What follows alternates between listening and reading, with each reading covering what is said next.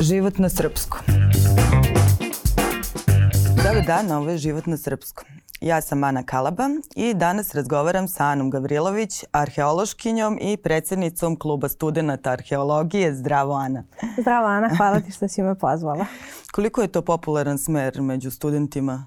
E, pa e, arheologija generalno nije popularan ni smer ni delatnost i generalno od kad sam ja upisala pa godine kao posle toga sve manje i manje ljudi upisuju arheologiju i ne mislim da je to možda nužno zbog toga zato što ljudi ne vole arheologiju, nego zato što nije branša u kojoj možete lako da pronađete posao i nije baš neki posao gde radite od 9 do 5, gde idete svaki put na isto mesto da radite i onda nekako čini mi se da su sve to neki faktori koji mlade zapravo odlače od toga da se kao bave arheologijom i upisuju. A to jeste, mislim ti u startu zamišljaš Indijanu Jonesa, a onda se ispostavi šta? Kakav je posao? Uh, onda se ispostavi mnogo nekih stvari gde zapravo smo mi sve samo nismo Indiana Jones. Od toga da kao arheologija primarno nije iskopavanje, da e, pre iskopavanja postoji još nekih milion stvari koje moramo da uradimo da bi došli do momenta da nešto možemo da iskopamo. Moramo prvo da pretražimo svu literaturu od ono kao početka istraživanja ovih prostora do dana današnjeg da vidimo da li neko tu slučajno nije kopao da ne bi kopali na istom mestu, mislim to onda čisto trošenje para. Ovaj, onda radimo razna neka, ne, razna neke nedestruktivne metode zapravo da shvatimo da li postoji nešto ispod zemlje, da isto tako ne bi kopali u prazno, jer kopati prazne sonde i to uzimati 30 radnika i 10 arheologa i plaćati njima svima dnevnice da ne bi pronašli ništa je nekako um, waste of money and time and effort. Izvini, ali ovde se toliko kopa u prazno. Da, da. da. Ali to je nekako zato što još nismo zapravo um, tek mlađe generacije usvajaju arheologiju tako u celosti. I ono što mi zapravo radimo na terenu, kad su to neka sistematska istraživanja, odnosno istraživanja čija je svrha da to kao izvlače naučne informacije, onda su to godine i godine obrade tog materijala, rađenja različitih nekih digitalnih modela, prostornih planiranja i svačega nečeg i onda je tek zapravo krajnji rezult, ono što se na kraju tek vidi od svog našeg rada dugogodišnjeg jeste ono što se donese u muzej ili ono što mi na kraju nekako saopštimo javnosti, mm -hmm. što se uglavnom i ovaj, ne dešava toliko često. A zašto, zašto, zašto tako redko čujemo za nešto što je otkriveno u Srbiji? Pa, e, postoje, jako je teško objasniti, ja, ja nekako ne mogu nikog da krivim, ne mogu da krivim ni one koje obaveštavaju, ne mogu da krivim ni, ni arheologe. Um, Mislim da primarno u kao svesti ljudi koji žive na ovom prostoru kulturno nasledđe i arheologija se ne precipiraju kao nešto bitno. Mm. Te s te strane možda i nije nešto čime se mediji bave jer kao poenta medija je da što veći broj ljudi konzumira ono što uh, se plasira i ako, uh, pošto arheologija nije toliko popularna, onda mislim da i to je jedan od razloga zašto ovaj, se ne vidimo toliko u medijama, a s, drugo, s druge strane i mi smo sami krivi što ne tražimo naše mesto u medijima i što se ne trudimo da bolje izveštavamo sve one ljude koji nas zapravo plaćaju da se mi bavimo ovim poslom. Taj posao jeste nešto zanimljivo i jeste onako, e, ja sad kad, kad smo se dogovorile za ovaj razgovor, baš sam pogledala Bilo je, bilo je nekoliko baš velikih otkrića u prošloj godini u Srbiji. Ja, bilo je neki... Mislim, koliko je, koliko je to bitno? Uh, pa uh, bila su neka velika otkrića, ja moram priznati, jako mi je drago što sam ja bila deo nekih od njih mm -hmm. i što kao ono što je uh, obeleženo kao deset najvažnijih lokaliteta iskopanih tokom 2021. ja sam tipa pet ili šest kopala Ozim. i mnogo sam srećna povodom toga. Uh, jed, neki od kao trenutno najaktuelnijih lokaliteta koji se iskopavaju um, su dvorine Mađarskog gro, groblje kod Aranđelovca, gde je zapravo ispod 18-vekovnog groblja pronađena e, crkva cara Dušana koja je veća zapravo i od Gračanice mm. i koja je na, e, stradala pod naletom Mađara i onda priča zapravo jednu totalno novu priču koju nismo znali o zapravo našoj srednjevekovnoj prošlosti, što je onako meni nekako epic.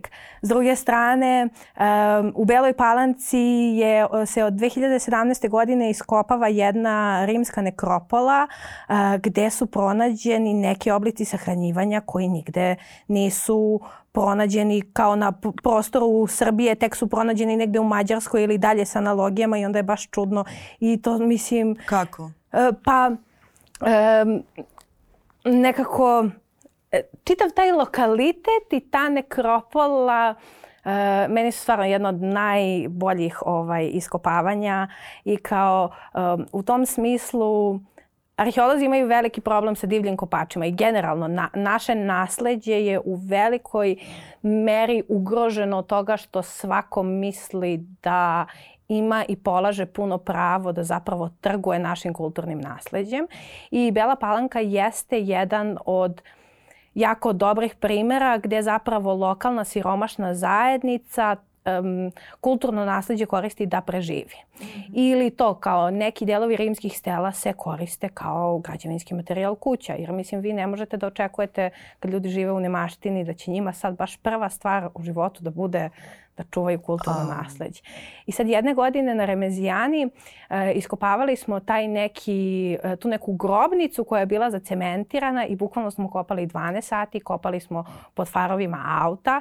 I ja sam se ponudila šefu, bila sam u fazonu, ja ako treba ću da spavam večeras pored ovog groba samo da ga zaštitim. Da, jer se dešava da ljudi dođu ujutro na teren i da toga više nema i da ono što ste vi zabeležili dan pre je to to i to je poslednje što je ostalo i to je poslednje što će biti zabeleženo pre nego što se to nešto što su ljudi iskopali nađe na crnom tržištu negde napolju i tad je već kasno i onda...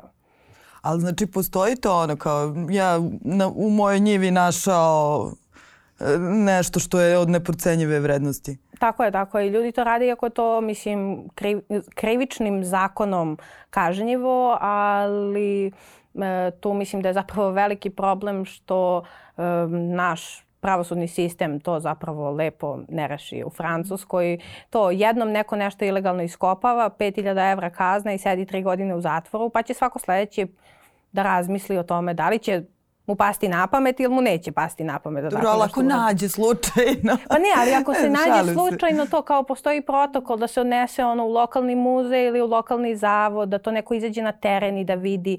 I ljudi uglavnom jesu voljni da te neke predmete koje mi nalazimo na gomile, ostave ljudima da im budu kao suvenir u kući, jer su depoji muzejski toliko prepuni da e, jedna u milion vinčanska posuda stvarno u muzeju, ni nauci, ni nikom neće značiti ništa, a onom ko je pronašao će nekako bit će mu toplo oko srca što i dalje ima i što stoji tako tu nekako. Da. Šta je još aktuelno u svetu arheologa? Uh, u sve, Srbije. Ja, još jedna divna stvar koju moram da vam ispričam koja se desila prošle godine. Jedno otkriće jeste uh, Vitkovačko polje kod Aleksandrovca gde smo uh, kolegi iz Narodnog muzeja i uh, koleginica još jedna i ja iskopavali jedno neolitsko naselje, odnosno periferiju neolitskog naselja, gde smo pronašli zapravo ovako, mislim to je kao jedan najspek spektakularnijih nalaza, ovako jedna mala vinčanska figurina koja ima zelenu fleku na stomaku, ima ovako crvenu štraftu preko grudi i preko leđa, crveno obojene cipelice i e, na nogicama ima ovako išarano kao da nosi dimije. I zove se Doroti. I mislim to je kao... A što se zove Doroti? Pa zato što nosi crvene cipelice. Ja. I onda nekako Kako će se zvati pobogu? Mislim, ne, bilo bi, pošto se prethodna koja je pronađena zove Vita zbog Vitkova, onda smo htjeli ovaj nekako, neko drugačije ime da damo, pošto smo ovaj, mi mlađani skloni popularnoj kulturi, onda smo ovaj, odlučili to da e, spojimo, ali to je, na primjer, takva figurina nije pronađena nigde na Balkanu, to je onako baš nešto. A što je, po čemu je specifična? Pa, zbog pa, boje? Zbog, bo, zbog toga što je očuvana boja, zbog načina na koji je uh, oblikovana, zbog načina koji je ukrašena, to jeste, to jeste sve ne, to su sve neke tehnike koji su vinčanci koristili, ali je ovo zapravo prva figurina gde je nađen takav spoj svih tih elemenata. A kako izgleda rad na terenu? Koliko je to naporno? Evo sad si, ok, čak i kad ne spavaš pored groba, ovaj, e, koliko je to naporan rad? Kako vas dočekuju lokalci? Kako, kako to na licu mesta izgleda? Pa, arheološki rad na terenu je kao da radite dve duple, mislim kao da radite duple smene. Zato što pre podne ustanete, odradite, otkopate svojih 8 sati, pritom na terenu je naš posao da svaku promenu u zemlji i materijalnoj kulturi zabeležimo da bi zapravo, jer to je to, mi smo poslednji uništa, uništavači toga. Mi jednom to sad kad skinemo, to više nikad neće postojati u onom načinu na koje je zapravo odloženo. I to, dođemo na teren, prvo smo srećni ako terensko vozilo može da nam stigne do zapravo mesta gde iskopavamo, ako ne moramo da nosimo lopate, me, merne instrumente i tako razne neke stvari kilometrima i kilometrima. E, I dan počinje tako što postavimo naš merni instrument koji je da li nivelir ili totalna stanica jer sve što zapravo radimo merimo na različite vrste načina i onda unosimo u različite programe i pravimo tako dokumentaciju. Pišemo terenski dnevnik gde zabeležimo bukvalno sve.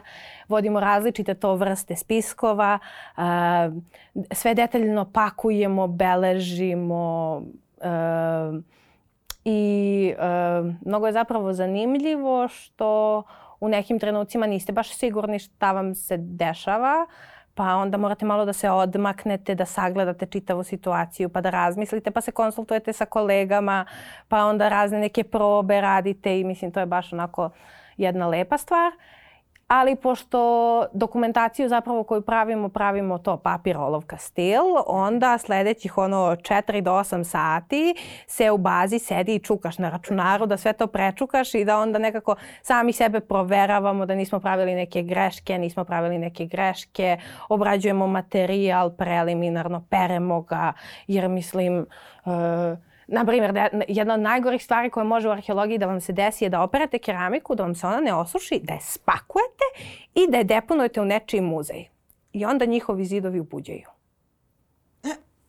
Mislim, to je kao, tako jedna mala, nebitna stvar o, kojoj, o kojoj mi moramo da vodimo računa, koja nekom stvarno može da potencijalno ugrozi život.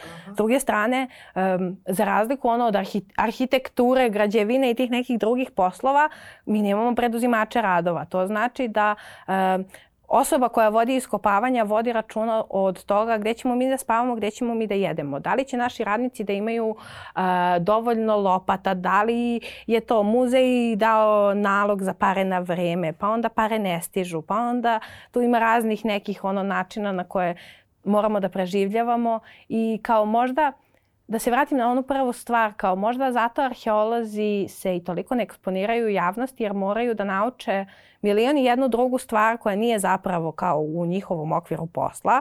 Meni nekako ne piše uh, na sajtu Filozofskog fakulteta da se od mene zahteva povremeno da budem i računovođa, ali kao to je nešto što moram da naučim da bih mogla da budem sposobna kad porastem. Ovaj, I onda, da, to, i kad se vratimo s terena, to ide čukanje, čukanje, čukanje, pranje, čukanje, zauvek i onda se družimo do 3, 4, 5 i onda se ustaje i u 6 se ide na teren ponovo i tako dok A koliko se često se desi kući. neko to otkriće koje je vredno svog tog uh, kopanja, čukanja? Pa nekako mi se čini da je svako mislim da je kao svaki teren vredan tog rada i kao u zavisnosti od toga koliko je uslovno rečeno bogato to što vi kao koliko stvari pronalazite toliko ćete imati i posla. Mislim dešava se da to e, se iskopaju prazne sonde pa da onda nema nešto puno posla zato što radnici kopaju i izbacuju zemlju i mm. ja generalno nemam čime da se bavim jer materijalne kulture kao tragova života iz prošlosti nema i onda nekako nije to toliko tenzično, ali s obzirom na to da se to nalazimo između istoka i zapada i da je Balkan od uvek bio neka prekretnica puteva, ima pregršt arheologije i kulturnog nasledđa kod nas i kao mislim da um, svaki lokalitet koji se revnosno radi, na njemu će biti puno posla. Da je to nekako i do, od istraživača do istraživača i od ekipe do ekipe nisu svi uh, ludi perfekcionisti koji će da sede do dva ujutru i da pakuju figurine jer ništa ne sme da im se desi u transportu i tako neke mm. stvari. Pa da, to sam skoro baš gledala spisak arheoloških nalazišta jer mi čujemo, ajde kao znamo, Vinča, Lepenski vir, svima, Viminacijum, svima su to kao prve asocijacije, a u stvari na svakom koraku imaš tako nešto. Je, tako je, tako je. Pa mislim, čitav Beograd. Čitav Beograd je jedan veliki lokalitet iz različitih perioda. E, tu sam te čekala na Beogradu. Je. na kom, na kom delu da, Beograda? Da, da. E, kad se dešava da se zakopa? Nađe se nešto pa se ipak zakopa, kao Stambol e, kapija na trgu to, Republike. To je jedna od mera zaštite. Znači to, pošto za e, konzervaciju i reprezentaciju nečega je potrebno više para nego da se iskopa. A u kao kontekstu gde mi živimo, pogotovo u kontekstu pandemije gde ne možete da pravite pare od turista, to nije neka super opcija i generalno to jeste metod zaštite od kad se zna do dan danas da kad nešto jednostavno ne možete da spasite, vi ga bolje, bolje da ga zatrpate mm -hmm. zato što će ta zemlja da ga štiti i onda ako se nekad budu imale pare, moći će da se otrpa i da se lepo zaštiti i konzervira i prezentuje, a do tada sedi mirno ispod i ćuti. Ali to za Stambul kapiju se zna od 62. U zborniku Narodnog muzeja su lepo data, dati rezultati istraživanja i, i tog prostora Trga Republike i studentskog parka i tako nekih stvari. Mislim, to samo nekako šira javnost nije bila upoznata s tim, pa je onda zato to bilo tako mhm. bombastično, čini mi se. Da, a i za studentski park valjda se digne frka svaki put kad se pomene neka garaža tako, ili tako, nešto. Tako, jednom godišnje, tako. Jednom, jednom godišnje. minimum jednom godišnje. I evo sad nešto, baš krajem godine je opet izašlo uh, četiri kineske garaže u Beogradu. Jedna od njih je studentski park gde je zamenik gradonačelnika rekao ukoliko budemo pronaš, ukoliko arheolozi budu pronašli neke važne ostatke, obustavit ćemo iskopavanja. A onda se mi samo pogledamo međusobno i fazon smo, mislim, pročito ti nekad Mislim, kao konsultuj se sa zavodom, zavod zna u krajnjem slučaju. Mm. Mislim, nekako, ali dobro, oni nemaju srama da govore takve gluposti kad ne znam. A o čemu se ne priča? Jel postoji nešto što vama stoji onako kao... Uh... Ja, postoji mnogo stvari što nama stoji mm. na duši. Uh, ne znam od kojeg bih prvo počela, iskreno da budem. Uh, pa... Uh, baš ne znam od kojeg bi prvo počela, jer mene muče mnoge stvari i u studentskoj zajednici, ali i u arheološkoj zajednici. E, dobar deo toga polazi od nas samih, to moram da priznam, kao niko nije, ne, male zajednice same po sebi nisu savršene, ovaj, ali ono što bih možda najviše istakla jeste to da mi za razliku od drugih država u regionu nemamo dobro organizovan sistem zaštite kulturnog nasleđa. Odnosno, arheolozi mogu da se zapošljavaju samo to u institucijama kulture, kao što su institut, muzeji, zavodi za zaštitu spomenika kulture i fakultet. Ali opet, te institucije ne mogu da iznesu količinu posla koja zapravo živi u realnom svetu.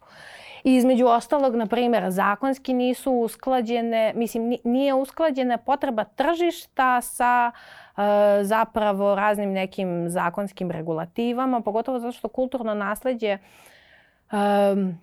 u sebe to nosi i razne neke momente iz Ministarstva infrastrukture, sta, e, e, spoljnih poslova, energetike, ekologije, nekako arheologija ima tendenciju da razne neke stvari, da se u, ubaci u razne neke stvari i da razne neke stvari ovaj, uvuče u sebe, e, ali moram priznati da um, kao postoje trenutno neki pomaci, ipak se radi na dijalogu o promeni zakona o kulturnom nasleđu i e, nadam se da ćemo u nekom trenutku zapravo stići do toga da to arheolozi mogu da se bave, da se obučavaju, da se bave to odnosima sa javnošću, e, da budu arheološki freelanceri, odnosno da radimo Aha. to za neke agencije koje se bave zaštitom, te da nemate e, arheologe koji rade kao konobari. Mislim, uvek će imati nekih ljudi koji će završiti fakultet i neće naći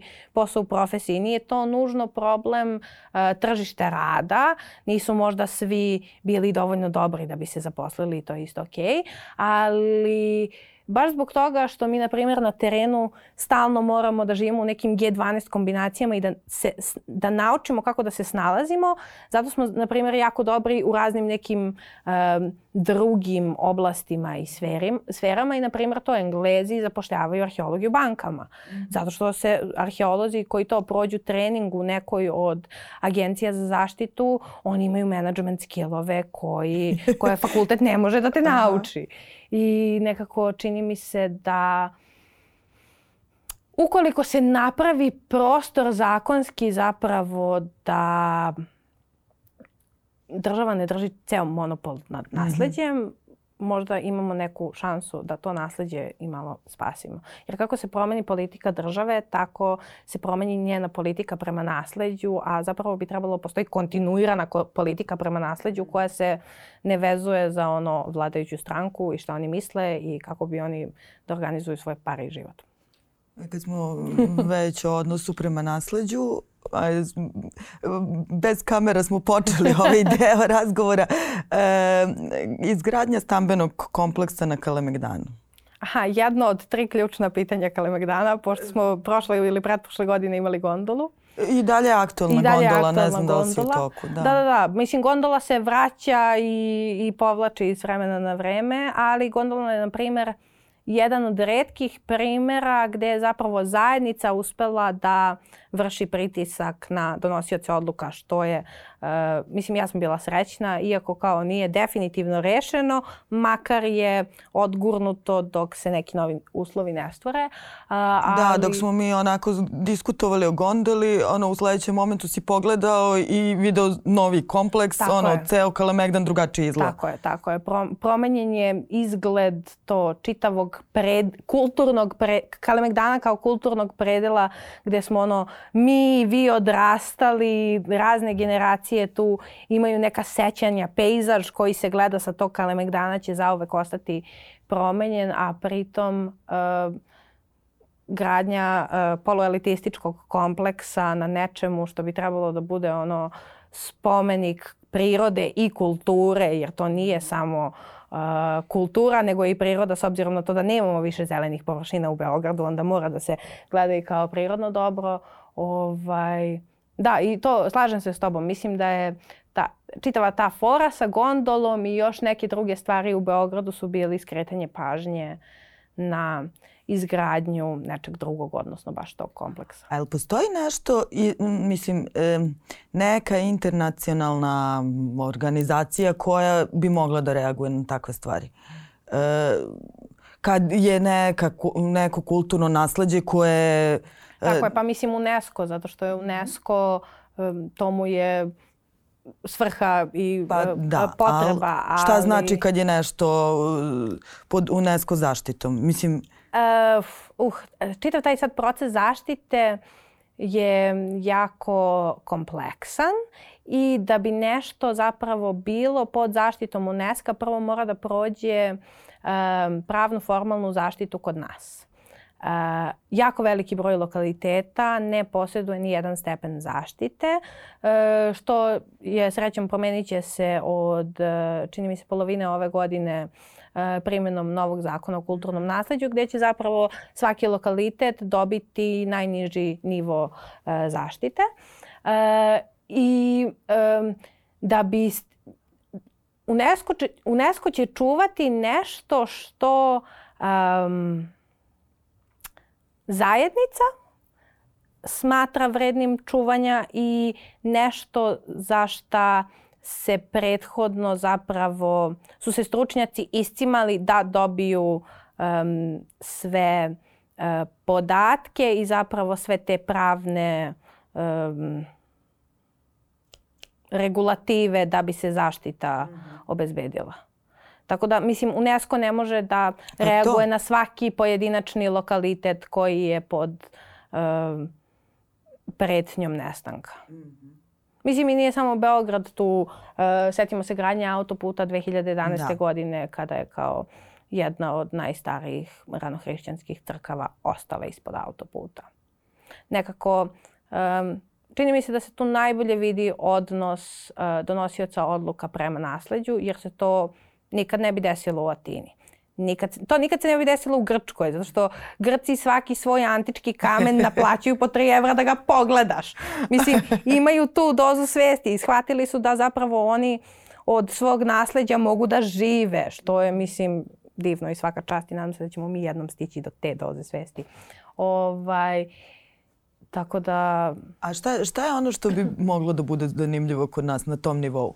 E, sećam se, svoje vremeno sam radila baš reportažu iz Viminacijuma i ovaj čovjek je bio u, u velikim planovima da dovede turiste i da će to da bude pa dobro, najveća on to sad atrakcija. Radi. Mislim, kao... Pa ne na nivou na kome je bilo zamišljeno. Šta je još ono što je vredno pomena i što bi moglo da bude ove, interesantno na tom planu. Meni se čini da je cela Srbija u tim nekim Cela Srbija, atrakcijama. znači stvarno ima lokaliteta koliko nećete. Pritom Felix Romulijana je isto Aha. jedna od jako značajnih lokaliteta koje treba videti. Pećina. Ja sam se, ja sam ušla u četvrtom razredu osnovne škole, me mama odvela u Pećinu. Ja sam je pitala ko se bavi ovim, ja želim da budem ovo kad porastem. Tako da, ovaj, e, ima, e, ono baš što si rekla, to što je mnogo stvari je zakopano, te mnogo stvari ne može da se vidite i mnogo stvari javnosti nisu zato i privlačne. Ali Bijela Palanka, na primer, je e, tokom 2000-ih godina odradila čitavu rekonstrukciju e, tog jednog sakralnog objekta, pošto oni imaju čitav taj narativ o svetom Nikiti, ranom hrišćanstvu.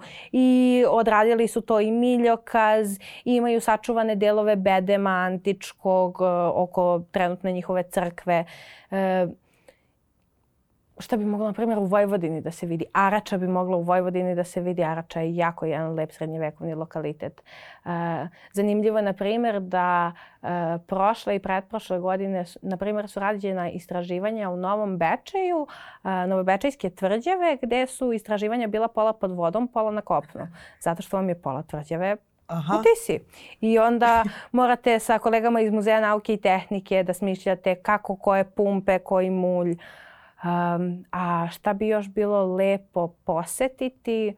Uh, svakako otići na Vinču dok je leto. Uh, to je nešto što je u blizini Beograda što svakako vredi videti.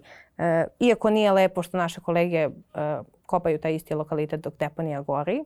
To je, na primjer, jedna od stvari s kojima ja imam problem u arheologiji je možda to što ne vodimo dovoljno računa jedni o drugima i to kao zdravlju. Ja nekako ideja o tome da kopam pored deponije koja gori mi je užasavajuća. Mislim, prvo je 50 stepeni na polju, na suncu u mesecu avgustu. To nije humano. Pr prvo to nije humano da se toliko bleji na suncu, a onda i sve drugo. Ovaj, ali da, nažalost, pa, e, možda medijana u Nišu da se poseti. Um, ali nažalost, um, u Sremskoj Mitrovici možete da vidite delove antičkog sirmijuma, ali baš mala količina lokaliteta ima nešto nadzemno što može da ponudi. Aha. Što je bez veze. Pa dobro, polako. Pa Vidjet ćemo. polako, da. A šta je tvoj sledeći projekat? Uh, moj sledeći projekat je zapravo... Kako ti zasijaju oči. Tako e, ali to je to. Tako je, tako je. Imam mnogo sledećih projekata. Uh, jedan od njih je uh, razvijanje društvene igre koje smo pravili 2019. godine. Um, za, mislim, ja sam kao gamer uh, ceo svoj život i uh, shvatila sam da kao kroz igranje Warcrafta sam shvatila da uh, su igre jedan od elemenata koje zapravo o, o, oblikuju mišljenja ljudi u stvarnosti. I onda sam krenula da se bavim to istraživanjem toga kako Indiana Jones, Lara Croft, mm -hmm. razne neke video igre, civilizacija, ono, Assassin's Creed, uh, utiču na kreiranje uh, svesti o arheologiji u, u, u javnosti i onda sam shvatila da kao imamo veliki problem sa pseudonaukom kod nas, imamo veliki problem s tim što kao svi misle da su Vinčanci Srbi i tako neke stvari, da su, da Sloveni žive ovde od početka. E, I onda sam ja došla na, zapravo na ideju da bi bilo super napraviti društvenu igru koja će istovremeno upoznavati to osnovci i srednjoškolce sa razno, raznolikošću i raznovrsnošću e, perioda i lokaliteta koje zemlja Srbija ima da ponudi, ali da zapravo to kombinujem sa pristupom storytellinga, odnosno tog nekog pričanja narativa gde zapravo ja njima kroz priču dajem te neke osnovne informacije o prošlosti, ali im onda postavljam pitanja na osnovu ko, gde oni moraju na osnovu svega onog što su čuli zapravo da zaključe kako bi se oni postavili u toj situaciji, to kao živite u ledenom dobu, u pećini ste i sad kako se hranite, šta radite. Da nekako njihov mozak da se aktivira i da razmišlja o tom, da se postavi u tuđe cipele. Jer, šta postoji, šta ne postoji. Šta postoji, šta ne postoji, jer ne postoji prodavnica, ne postoji mama hoću nešto slatko, nego se živi malo drugačije. Mislim, isto smo mi generalno skloni da zaboravljamo da i da uzimamo zdravo za gotovo neke stvari koje imamo u ovaj modernom doba. Ali da, moj sledeći projekat je zapravo da pravim digitalnu igru koja će se zasnivati na kao naučno relevantnim informacijama, a da zapravo bude uh, alat za učenje i kao uh, širenje svesti o arheologiji u Srbiji. Da, strava. Kad bi to moglo da bude? Uh, pa uh, ja sam trenutno na master studijama i bavim se nečim sasvim levim istraživački od toga, uh, ali nadam se da će to biti... Da li davno kraja... si pominjala tu igru? Uh, pa to, to mi radimo od 2019. Mm -hmm. i generalno smo je razvijali u tom tabletop formatu. Uh, ali sad kako je došla pandemija i sve to, onda smo shvatili da bi možda bolje bilo posjedovati je u digitalnom formatu, jer nećemo možda uvek biti u mogućnosti da kao radimo jedan na jedan sa ljudima mm. i da zapravo kroz narativ naš pre, prebacujemo znanje, ali e, mislim naš klub je mali i sve su studenti i nemamo zapravo nikakva finansiranja, sve što radimo i taj podcast o borbi protiv pseudonauke što radimo, radimo za džabe, radimo zato što mi smatramo da je to problem sa kojim treba da se borimo i da kao pošto nas na fakultetu ne uče kako da pričamo i kako da komuniciramo, onda smo mi odlučili da ćemo sami sebe da vežbamo ne bili kao, pa mislim šta treba da završim doktorske studije i da onda ne znam da kažem dve prosto proširene rečenice. Nekako, ne, ne, ne, mi nekako ne puštamo njima da oni odlučuju uh, sa kojim, s kojom količinom znanja ćemo mi izaći odatle. Ovaj, ali da, pošto nas je malo i pošto to onda ide sporo jako, tako da se nadamo da Da, dobro, ja se nadam, mislim da će biti totalni hit. Ono. Pa ne, mi smo, mi smo već ono sa ovom igrom to, idemo po nekim školama, osnovnim i srednjim, zovu nas profesori istorije da dolazimo i da radimo radionice sa decom, što je jako super. To znači da zapravo oni koji se bave obrazovanjem vide našu igru kao adekvatan alat u istom, što meni stvarno nikad lepše. Uh, Ovaj, jer kao ja sam prva osoba koja je disleksična i koja je ceo svoj život mrzela obrazovanje i svaki put kad treba nešto sednem da učim ja sam nesrećna. Tako da nekako e, ako postoji jedno dete kao što sam bila i ja i ako mu bude bilo lakše da nauči istoriju zbog te igre, ja ću biti ja sam svoj posao odradila s jednim detetom. to je to. Hvala ti, Ana. Nema na čemu.